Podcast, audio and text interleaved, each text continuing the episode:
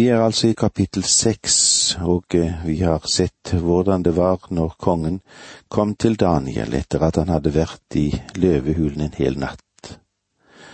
Og eh, som han sa i vers 22 og 23 i Daniel 6.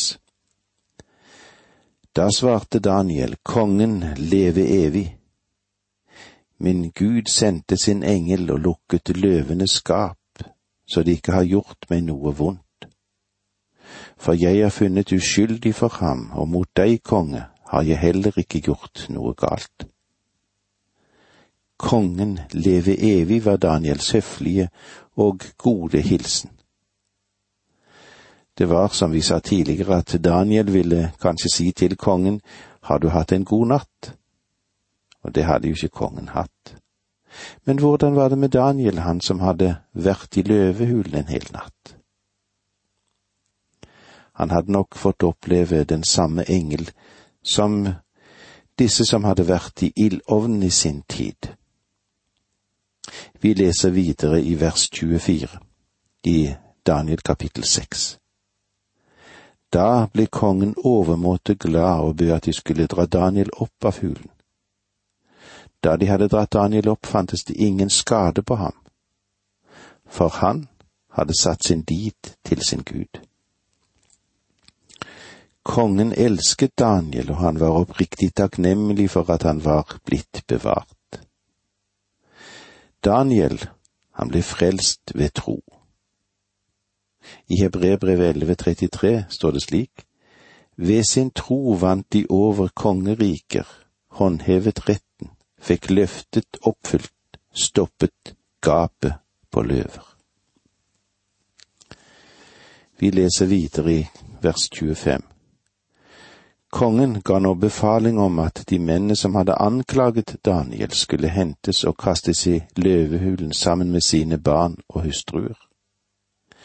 De hadde ikke nådd bunnen av hulen før løvene grep dem og knuste hvert ben i kroppen på dem. Hva skjedde nå?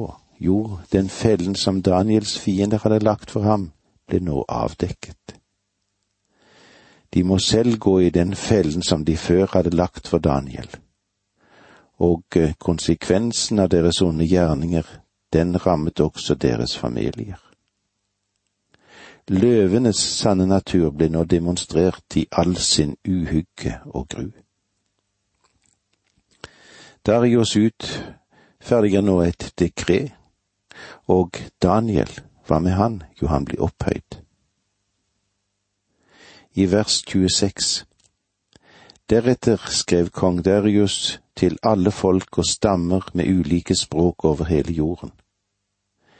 Jeg ønsker dere fred og lykke. Darius sendte ut en melding over hele verden, som egentlig var hans personlige vitnesbyrd. Han hadde funnet den samme fred som Nebukaneser hadde funnet. La oss nå se litt tilbake i kapittel fire, vers én. Kong Nebukaneser til alle folk og stammer, med ulike språk over hele jorden. Fred og lykke. Dette vitnesbyrdet om fred kommer fra den samme mann som natten før ikke kunne sove Hvorfor? På grunn av sin egen angst. Versene 27 og 28 Hermed gir jeg påbud om at folk overalt i mitt rike skal ha age for Daniels Gud og skjelve for ham. For han er den levende Gud. Han blir til evig tid. Hans rike går ikke til grunne. Hans velde tar aldri slutt. Han frelser og utfrir, han gjør tegn og under i himmelen og på jorden. Det var han som frelste Daniel fra løvene. Darius gir altså nå en melding om at han skal ha ærefrykt for Daniels Gud, og han vitner om at han er den levende Gud. Dette er jo i sterk motsetning til avgudene, og at han er den allmektige. Darius ble drevet til Gud gjennom underet med løvene i hulen. Verset 29. Siden gikk det Daniel vel både mens Darius og Kyrios var konger i Persia. Daniel sin posisjon var nå sikret, og eh, den hadde han til livet ebbet ut. Og det skjedde under Kyros regjeringstid. Det var Kyros som utferdiget loven om at de jøder som ville, de kunne få lov til å vende tilbake til Palestina.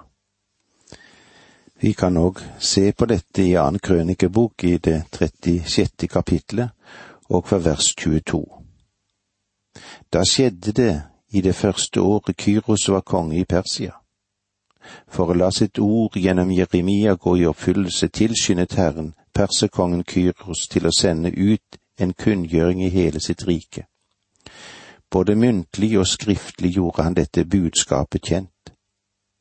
Så sier Kyros kongen i Persia, Herren himmelens Gud har gitt meg alle kongerikene på jorden. Han har pålagt meg å bygge et tempel for ham i Jerusalem i Judea. Gud være med dere alle som hører til hans folk. Nå kan dere dra tilbake og du kan òg lese om dette i Esra 1.11. Dette er nå avslutningen på den strengt historiske delen av Daniels bok. Fra nå av vil boken stort sett domineres av syner og profetier som fulgte Daniel gjennom den lange perioden av sitt liv han tilbrakte i et fremmed land. Det var altså dette vi hadde med fra kapittel seks. Kapittel sju vil ha som tema om Daniels syn om de fire dyr som er de fire riker under hedningenes tid, og dekker de samme riker og den samme periode som Nebukanesers drøm og det vi òg så om billedstøtten. Når vi nå har kommet inn i kapittel sju, så åpner det en ny og annerledes del av Daniels bok. De første seks kapitlene inneholdt historiens natt under profetiens lys. De siste kapitlene er det profetiske lys inn i den historiske natt. Der den første delen legger vekt på historien, så er vektleggingen den siste delen på det profetiske budskap. Men likevel med en historisk bakgrunn. Gud gir Daniel flere syner angående de fire dyr, dyr som er vel å merke seg. Daniel har disse synene til forskjellige tider. Synet i kapittel sju kom i det første år Belsesar var konge. I kapittel åtte møter vi et syn som Daniel fikk i det tredje året da Belsesar hersket og når vi så kommer til kapittel ni, befinner vi oss i det første året av Deirios regjeringstid.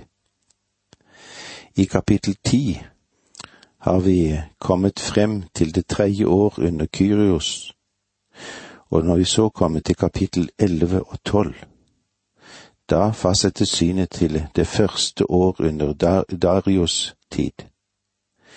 Daniel skrev ikke opp disse synene fortløpende i den historiske del men han samlet disse profetiske synene i den andre stordelen av boken sin. Nebukaneser av Babylon var en glimrende mann som til sin forundring fant at han var opphøyd til å bli historiens første verdenshersker. Under ham lå det landområder på tre kontinenter. Han hadde tatt Egypt i Nord-Afrika, og han hadde også territorier i Europa som han hersket over. Han hadde et veldig imperium, større enn det noen annen verdenshersker hadde rådet over. Men disse tingene vil vi komme tilbake til når vi møtes igjen neste gang. Takk for nå, må Gud være med deg. Dette undervisningsprogrammet består av to deler. Åge Nevland fortsetter nå med andre del av dagens undervisning. Vi er i Daniels bok, vi er i det syvende kapitlet, og temaet her er at Daniels syn om de fire dyr, som er de fire riker under hedningenes tid. Og der er de å se på Nebukaneser av Babylon, Han var jo en glimrende mann som til sin forundring fant at han selv opphøyet seg til å bli historiens første verdenshersker. Under ham lå det store landområder, ja, på hele tre kontinenter hadde han hersker egenskapene. Han hadde tatt Egypt i Nord-Afrika, og han hadde også territorier i Europa som han hersket over. Han hadde et stort imperium. Det var større enn noen annen verdenshersker har hatt og rådet over. Men Nebukadneser undret seg veldig over fremtiden. Hva ville hende med ham, og hva med det han rådet over, hva med hans imperium? Han hadde en drøm der han så en stor billedstøtte som var sammensatt av flere metaller og gjennom Daniel ga Gud ham en tolkning av denne drømmen. Det vil være fint om du kanskje tok deg litt tid til å lese dette, det står om det i Daniel 2. Det var fire slags metaller i Nebukaneser sin billedstøtte. Ikke fem, men fire metaller. Daniels syn, som vi nå møter, er om de fire dyr. Løven, bjørnen, leoparden og et dyr som ikke er beskrevet blant våre vanlige arter. Det siste var altså et vilt dyr som ingen noensinne har sett verken på land, i havet eller i luften. Det eksisterer simpelthen ikke som et dyr. Vel, etter at Daniel har hatt disse synene, og drømmene så tror jeg ikke han sov svært mye den natten. Kanskje han sov roligere i løvehulen enn han hadde gjort etter at han hadde hatt disse drømmene. Jeg kan bare tenke meg at etter at Gud ga ham tolkningen av denne drømmen Nebukaneser hadde hatt om billedstøttene, så undret nok Daniel seg. Som en god bibelstudent og en som fulgte Det gamle testamentet, kjente Daniel til den pakt Gud hadde sluttet med David. At én skulle tre frem i hans ettlinje og skulle bli en verdenshersker. Med disse fire kongerikene i tankene som Nebukadneser hadde drømt om, så undret han seg vel på hvordan Guds plan og hvordan Guds program ville reise seg opp som en verdenshersker av Davids ett ville passe inn i alt dette. Resten av Daniels bok gir et svar på dette spørsmålet. Den gir oss verdenshistorien skrevet før den har hendt. Historier som er blitt fulgt til minste detalj i 2500 år etter at boken ble skrevet. Gud taler til Daniel gjennom synet om de fire dyrene for å tilfredsstille hans urolige tanker og hans urolige sinn, og gi ham den forklaringen som han hadde behov for, det han trengte.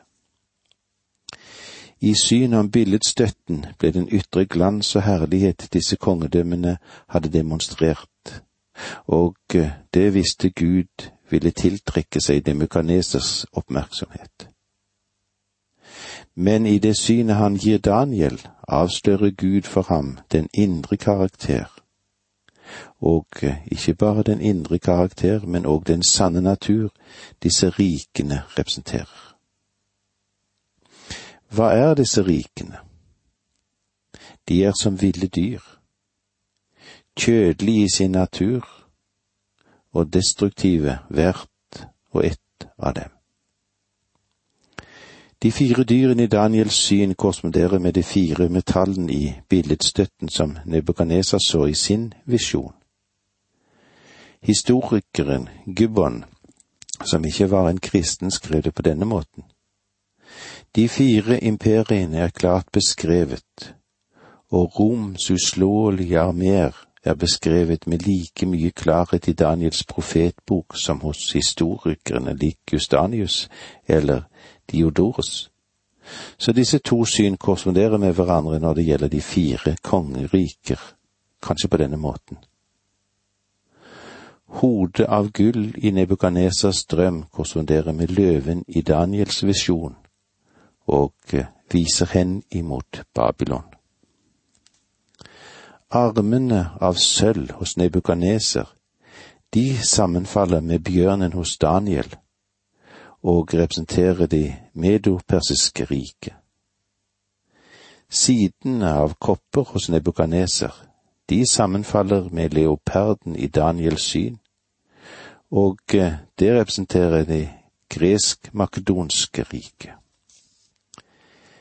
Benene av jern og føttene av jern og leire i nebukanesers syn sammenfaller med det sammensatte dyret hos Daniel, og det representerer det romerske imperium. Det første vi nå stopper opp for, er de fire vinder blåser over de fire hav. Vi leser i vers én i kapittel syv.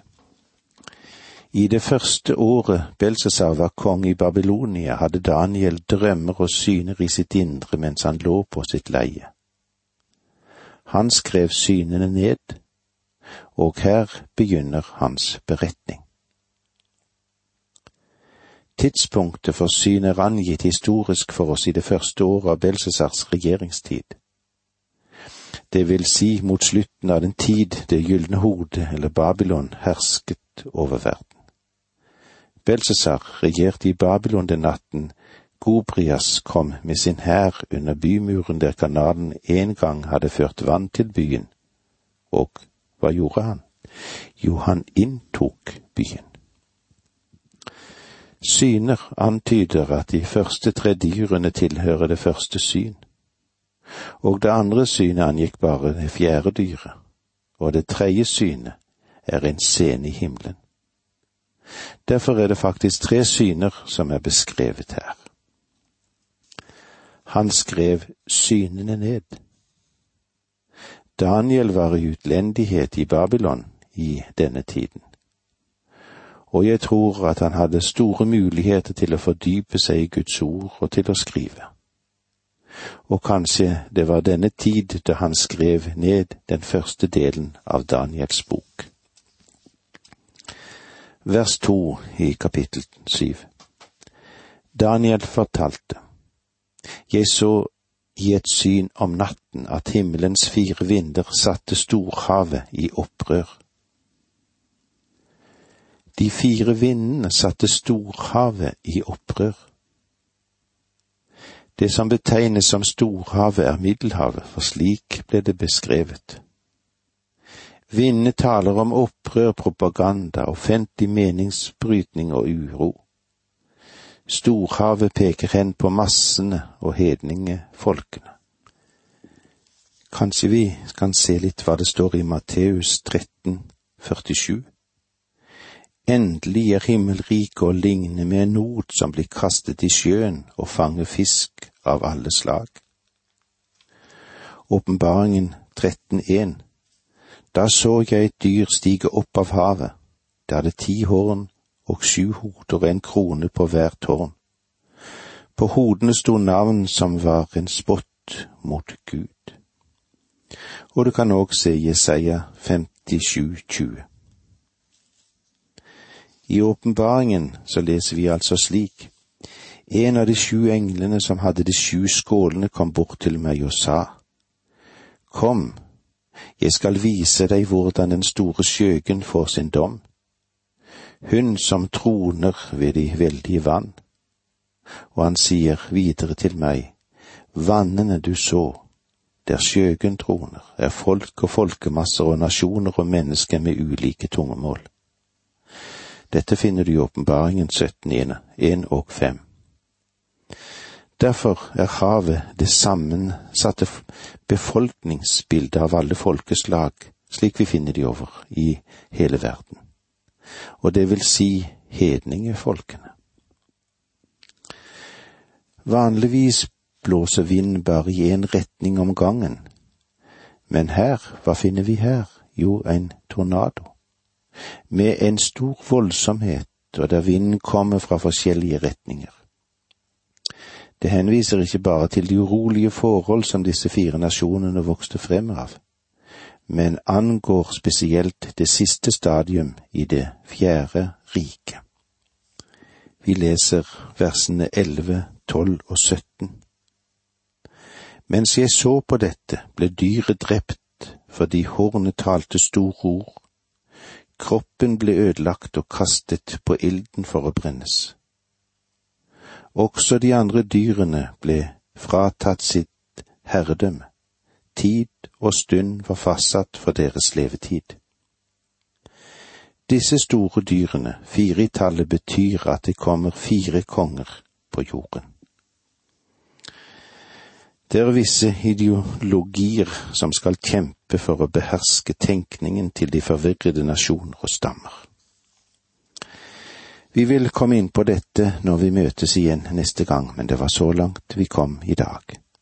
Takk for nå, må Gud være med deg.